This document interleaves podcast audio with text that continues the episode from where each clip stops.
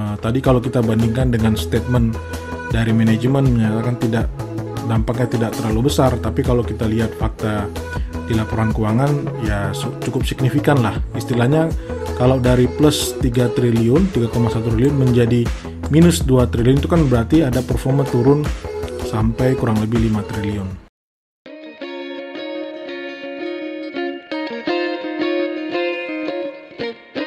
Halo, apa kabar semua? Salam investasi, yo yo yo. Kembali dengan saya Yosi Girsang. Nah, kali ini kita akan membahas tentang saham Saratoga atau SRTG. Seperti kita ketahui, uh, Saratoga ini adalah perusahaan uh, triggernya adalah 4 kode SRTG. Nah, baru-baru ini ada berita yang cukup banyak dibahas di media-media yaitu adanya pengumuman dari Saratoga Investama Tbk uh, penambahan kepemilikan dari salah satu pemegang sahamnya yaitu Edwin Suryajaya. Edwin Suryajaya namanya sangat terkenal. Uh, dia adalah uh, pendiri dari SRTG sendiri dulu bersama dengan Sandiaga Uno dan Edwin Suryajaya ini adalah putra dari pendiri grup Astra yaitu William Suryajaya atau yang akrab disapa Om Willem. Nah, kali ini kita akan coba uh, lihat lebih mendalam seperti apa sebenarnya uh, situasi dari uh, eh, SRTG ini dari sisi kinerja keuangannya. Semoga ini bisa uh, Anda gunakan untuk edukasi, untuk belajar bagaimana cara untuk uh, melakukan analisa uh, di dalam satu perusahaan lewat membaca dari laporan keuangan maupun rilis-rilis yang diberikan oleh perusahaan secara resmi. Nah, kali ini saya share dulu. Nah, ini dia. Jadi, eh, kalau kita mau tahu siapa aja pemegang saham utama dari SRTG, itu ada tiga pemegang saham besarnya. Yang pertama adalah, ini saya gedekan sedikit Edwin Suryajaya ya yang mana memiliki sebesar 879 juta saham atau itu setara dengan 32,43 persen ya atas nama Edwin Suryajaya. Nah yang kedua sebenarnya tidak langsung bahkan ini sebenarnya yang kedua. Yang pertama itu justru adalah uh, eh, PT Unitras Pertama. Ya PT Unitras Pertama ini Eh, perusahaan yang memegang 887 juta saham dari SRTG atau 32,72 persen. Nah sebenarnya kalau kita dalami lagi sebenarnya PT Unitras pertama ini adalah perusahaan yang dimiliki oleh Edwin Suryajaya sendiri bersama dengan Joyce Suryajaya Care. Jadi mereka berdua adalah putra dan putri pendiri dari grup Astra William Surajaya. Jadi sebenarnya selain Edwin Surajaya itu memiliki saham secara langsung atas namanya di SRTG, juga memiliki uh, secara tidak langsung lewat perusahaan PT uh, eh, Unitras pertama ini, ya, yang alamatnya di sini sih di uh, Kebun Kelapa di Gambir ya, Jakarta Pusat. Nah, sedangkan uh, ketiga terbesar adalah Sandiaga Salahuddin Uno yang menjadi calon wakil presiden sebelumnya di pemilu sebelumnya. Nah, beliau memiliki 21,5% dari total saham uh, yang ada beredar di SRTG. Dan sisanya dari itulah sekitar belasan persen itu dimiliki oleh publik itu yang ditradingkan atau yang diperjualbelikan di pasar saham. Ya, itu dia. Nah, ada perubahan ini yang disampaikan oleh media bahwa Edwin Suryajaya menambah kepemilikan dari 879 juta menjadi 890 juta. Jadi ada ketambahan 18 juta saham di harga 3.400. Ya, pembelian ini dilakukan pada tanggal 15 September dan 21 September. Memang kalau kita lihat di harga SRTG saat ini ya, sekitar 3.240 bisa dibilang pembelian ini harganya relatif lebih tinggi dibandingkan harga pasar yang 3.240 harga hari ini di 22 September. Uh, tentunya uh, penting untuk kita lihat sebenarnya bagaimana kondisi dari SRTG terutama masa Covid ini ya. Secara rilis resmi dari perusahaan uh, perusahaan sudah memberikan informasi secara publik lewat Bursa Efek Indonesia bahwa di periode Agustus 2020 itu SRTG manajemen SRTG menyampaikan bahwa tidak ada dampak langsung dari COVID-19 terhadap perusahaan, terhadap kelangsungan usaha perusahaan. Jadi semuanya berjalan dengan normal karena memang perusahaan ini kan perusahaan investasi ya. Jadi mereka memiliki saham dan berinvestasi di perusahaan-perusahaan baik yang terbuka maupun tertutup. Jadi di sini dijelaskan perusahaan merupakan perusahaan investasi sehingga kegiatan operasionalnya itu nggak langsung terpengaruh dari COVID-19. Ya, beberapa perusahaan di mana perusahaan melakukan investasi yang terdampak. Jadi perusahaan yang mereka miliki lewat saham yang dimiliki itu justru yang terdampak. Namun menurut manajemen nilai investasi perseorangan terhadap perusahaan tersebut relatif kecil dibanding total investasi dari perusahaan sehingga tidak punya dampak signifikan terhadap kinerja dan kondisi keuangan perusahaan. Oke. Ini statement dari perusahaan. Nah, itu dia. Nah, sekarang coba kita lihat di laporan keuangan perusahaan sendiri gitu ya. Nah, ini rilis terakhir di semester 1 2020 bagaimana sih kondisi keuangan dari Saratoga ya? Apakah perusahaan dalam kondisi sehat atau seperti apa? Kita mulai dulu mungkin dari awal bagian dari uh, asetnya dulu ya. Nah di sini dia. Jadi aset dari Saratoga itu turun dari 26 triliun menjadi 24 triliun di periode yang sama uh, sorry dari Desember akhir 2019 dibandingkan dengan akhir Juni 2020. Jadi ada penurunan aset sebesar 2 triliun. Kalau kita lihat lebih detail, sebenarnya liabilitas perusahaan itu turun dari 3,8 triliun menjadi 3,6. Ya. Di sini perusahaan punya yang namanya pinjaman. Ya, terakhir itu posisinya 3,2 triliun. Ini kalau mau di background up di breakdown lagi itu bisa kita lihat di uh, lampiran 9 tapi nanti itu tidak prioritas dulu saat ini karena memang liabilitasnya relatif kecil dibandingkan dengan ekuitasnya yang di sini.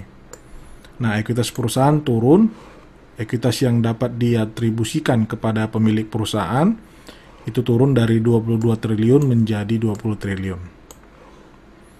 Sehingga secara total aset perusahaan turun dari 26 menjadi 24 triliun selama 6 bulan dari akhir 2019 hingga Juni 2020.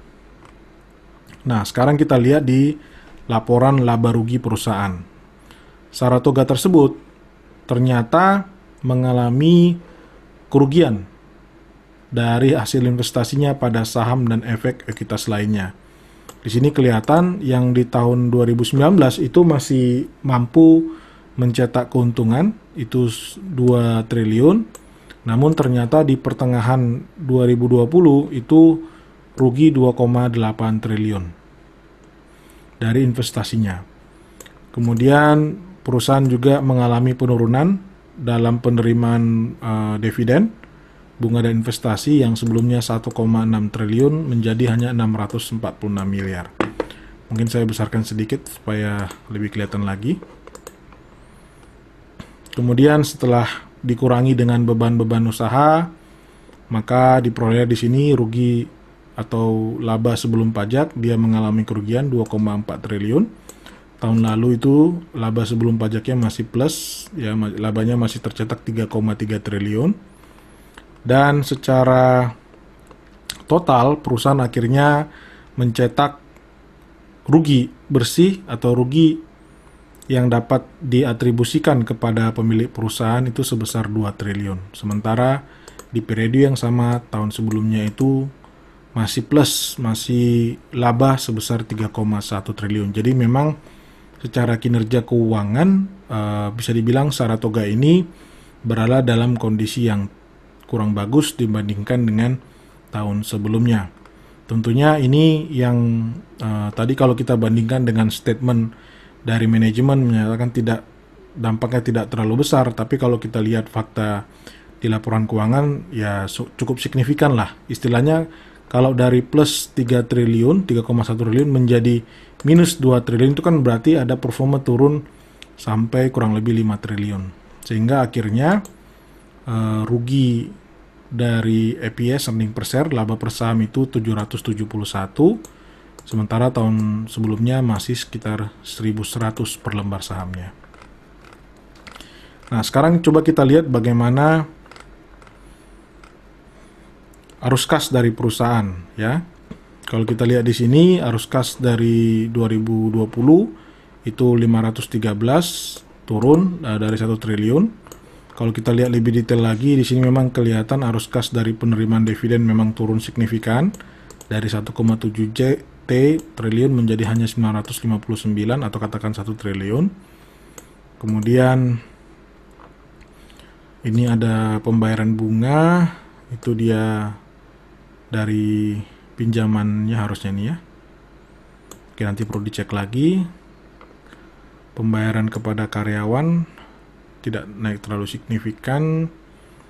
Penempatan investasi pada efek kita lainnya minusnya lebih turun. Oke. Kemudian untuk arus kas dari investasi uh, perusahaan tidak banyak melakukan aktivitas investasi selama uh, tahun ini semester satu tahun ini maupun semester tahun lalu karena memang oh, sebenarnya investasi itu sudah masuk di sini ya. Kalau khusus untuk Saratoga ini agak berbeda ya. Kalau misalkan Anda bicara perusahaan manufaktur atau yang memiliki bisnis sendiri, memiliki produk sendiri. Kalau ini kan perusahaan investasi. Jadi dia masukkan operasionalnya adalah investasinya, tidak di sini lagi. Nah, kemudian untuk uh, pendanaan kalau bisa kita lihat di sini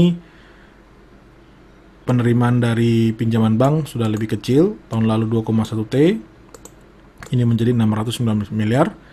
Uh, kemudian pembayaran pinjaman angkanya juga lebih kecil sehingga secara total bisa dibilang dia ada uh, cash flow out, cash out yang relatif lebih kecil dibandingkan dengan tahun sebelumnya. Oke, jadi ini tidak terlalu signifikan. Kemudian untuk akhir kas dan setara kas akhir periode itu adalah 798 miliar ya relatif turun dibandingkan tahun lalu yang 1,3 triliun gitu. Nah, sekarang kalau kita mau tahu di mana saja perusahaan ini berinvestasi, ya, kita bisa masuk ke 13C atau 13A seingat saya. Anda bisa lihat di sini.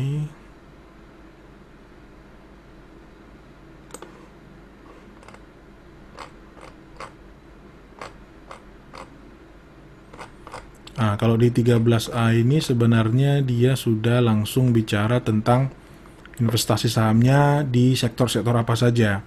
Nah, kalau kita lihat di sini yang paling dalam turunnya itu adalah yang sumber daya alam. Jadi yang batu bara lah ini biasanya kan. Nah, kemudian juga dia uh, infrastruktur itu juga turun. Kemudian produk konsumen ya itu juga turun. Kemudian dari dividen tadi sudah saya jelaskan itu ada penurunan. Ya. Sekarang kita coba sebentar. Nah, ini kepemilikan saham yang dimiliki oleh rincian lah. Uh, investasi di mana saja. Tadi kan ada infrastruktur, ada sumber daya alam, ya. Nah, ini masuk dulu yang Bentar ya infrastruktur dulu. Jadi Saratoga ini memiliki uh, investasi di PT Tower Bersama, Tower Bersama Infrastruktur, ya TBK ini sudah kan, teman-teman semua sudah pada tahu mereka memiliki kepemilikan sebesar 33,74 persen, ya. Itu naik dibandingkan tahun sebelumnya di 2019 yang hanya 29%. Taur bersama ini uh, tikernya tebik ya, TBIG ya, TBIG. Kemudian PT Nusaraya Cipta uh, memiliki 7,12 persen, posisinya masih sama dengan tahun sebelumnya. Itu yang TBK ya. Nah ini yang non TBK-nya, ini di Singapura. Ya mereka punya perusahaan investasi sendiri. Uh, Seroja Investment Limited Singapura di 23 persen. Nah ini yang perusahaan tertutupnya. Kita mungkin tidak bahas terlalu dalam. Nah ini yang sumber daya alam. Saratoga memiliki Adaro PT Adaro Energi Tbk ya kepemilikan langsung 3,74 persen.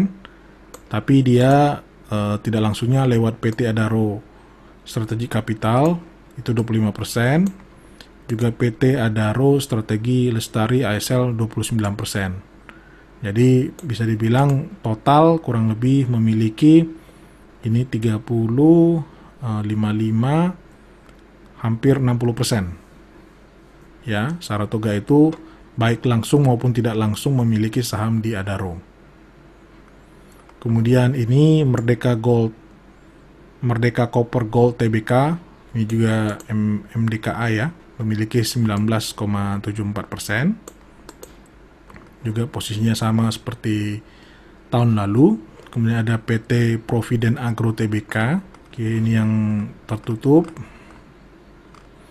Kemudian untuk produk konsumen ada PT Mitra Pinastika Mustika Tbk memiliki 52% sama seperti tahun sebelumnya dan PT Aneka Gas Industri Tbk 8,33%. Jadi pemberitaan yang menyampaikan tentang penambahan sawa, saham dari Edwin Suryajaya sebesar sekitar 18 juta lembar atau sekitar satu persen dari total saham dari SRTG itu sebenarnya tidak signifikan ya memang nilainya totalnya 62 miliar tapi uh, bisa dibilang itu tidak menjadikan perubahan dalam struktur kepemilikan hanya menambah satu persen, jadi tetap masih di posisi kedua setelah Unitras yang juga dimiliki oleh Edwin Suryajaya. Jadi menurut saya eh, pembelian ini bukan sesuatu yang luar biasa dan kalau kita melihat kepada pergerakan harga saham memang kalau kita lihat dalam sebulan terakhir saham dari Saratoga ini naiknya cukup signifikan 12,5 persen. Tapi kalau kita lihat lebih panjang lagi periodenya misalkan satu tahun, sebenarnya saham dari SRTG ini masih turun atau masih minus 11 persen karena yang tadi disebutkan pasti ada dampak dari COVID-19 terhadap perusahaan-perusahaan yang sahamnya mereka miliki. Gampangannya misalkan seperti Adaro ya batu bara, tentunya adanya pembatasan uh, PSBB karena adanya ekonomi yang semakin uh, berat, tentunya konsumsi dari uh, batu bara untuk produksi baik yang untuk ekspor ke luar negeri, ke Cina, ke India itu pasti akan juga terhambat ataupun turun volume yang dibutuhkan demand-nya. Nah, jadi uh, secara kinerja bisa kita katakan Saratoga kondisinya masih uh, posisi rugi. Semoga nanti dengan adanya uh, kondisi ekonomi yang membaik di 2001 bisa kembali mencetak untung seperti yang terjadi di 2019.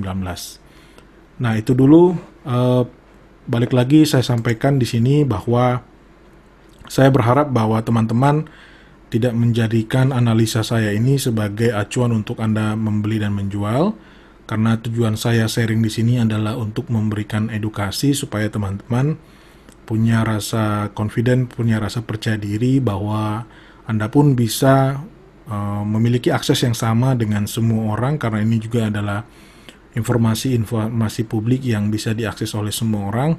Sehingga tinggal bagaimana kita mau untuk um, membaca dan meluangkan waktu untuk melakukan riset. Di situ sih uh, tantangannya yang perlu kita uh, sikapi. Dan tentunya balik lagi tergantung pada pekerjaan Anda, kesibukan Anda, dan passion Anda. Tidak semua orang punya passion yang sama di dunia keuangan. Tentunya kalau seperti itu ya ada baiknya Anda mempertimbangkan untuk uh, misalkan membeli produk reksadana ataupun memiliki financial advisor ataupun investment advisor untuk memberikan Anda insight-insight ataupun pandangan tentang investasi di pasar modal Indonesia. Demikian uh, podcast saya kali ini. Semoga bermanfaat. Salam investasi. Yo yo yo.